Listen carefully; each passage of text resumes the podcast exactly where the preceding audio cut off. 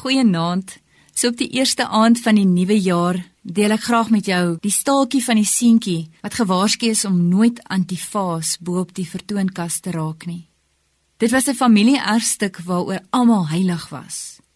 Toe hy groot genoeg was om by die vaas te kom, het sy nuuskierigheid die oorhand gekry en hy het die vaas afgetrek en sy hand daarin gedruk, net om met die uittrekslag te ontdek dat sy hand vassit. Sy ouers het paniekerig probeer om seep aan die kind se hand te smeer sonder enige sukses. Die hand was vas. Hulle het die dokter gebel om te hoor of hy kon help, maar selfs met sy delikate instrumente kon hy niks uitgerig kry nie.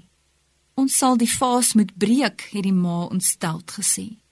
Klein seentjie, doodverskrik toe hy die hamer sien, het opgekyk en uitgeroep: "Sal dit help as ek van die minstukkies wat ek vashou laat gaan?" Soms hou ons ook so vas aan die ou maniere van dinge doen en ons ou slegte gewoontes van besitlikheid en selfgesentreerdheid wat ons verhoed om die lewe van oorvloed te lewe wat God vir ons wil gee.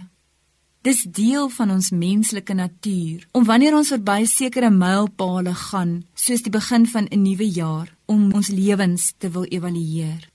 Dikwels ontdek ons dan plekke waar ons kan verbeter. Die areas waarin meeste mense wil verander, is redelik konstant dieselfde. Gewig verloor, oefen, ophou rook, meer Bybel lees. Dis deel van ons menslike natuur om beter te wil doen. Dis ook deel van ons menslike natuur om te misluk.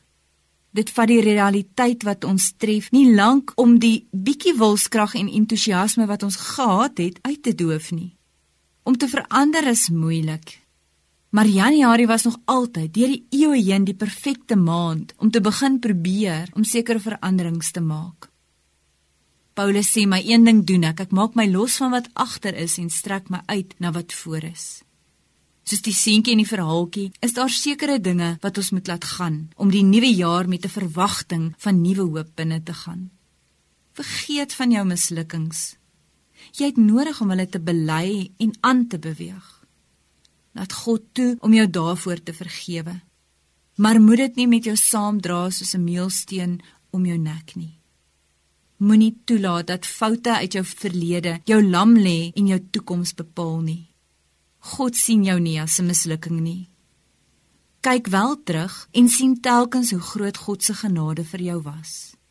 Om terug te kyk is goed as dit ons nederig en dankbaar hou. Maar as jy suksesvol wil wees, moet jy jou verlede laat gaan en God vertrou vir die toekoms. Ek bid jou 'n voorspoedige nuwe jaar toe.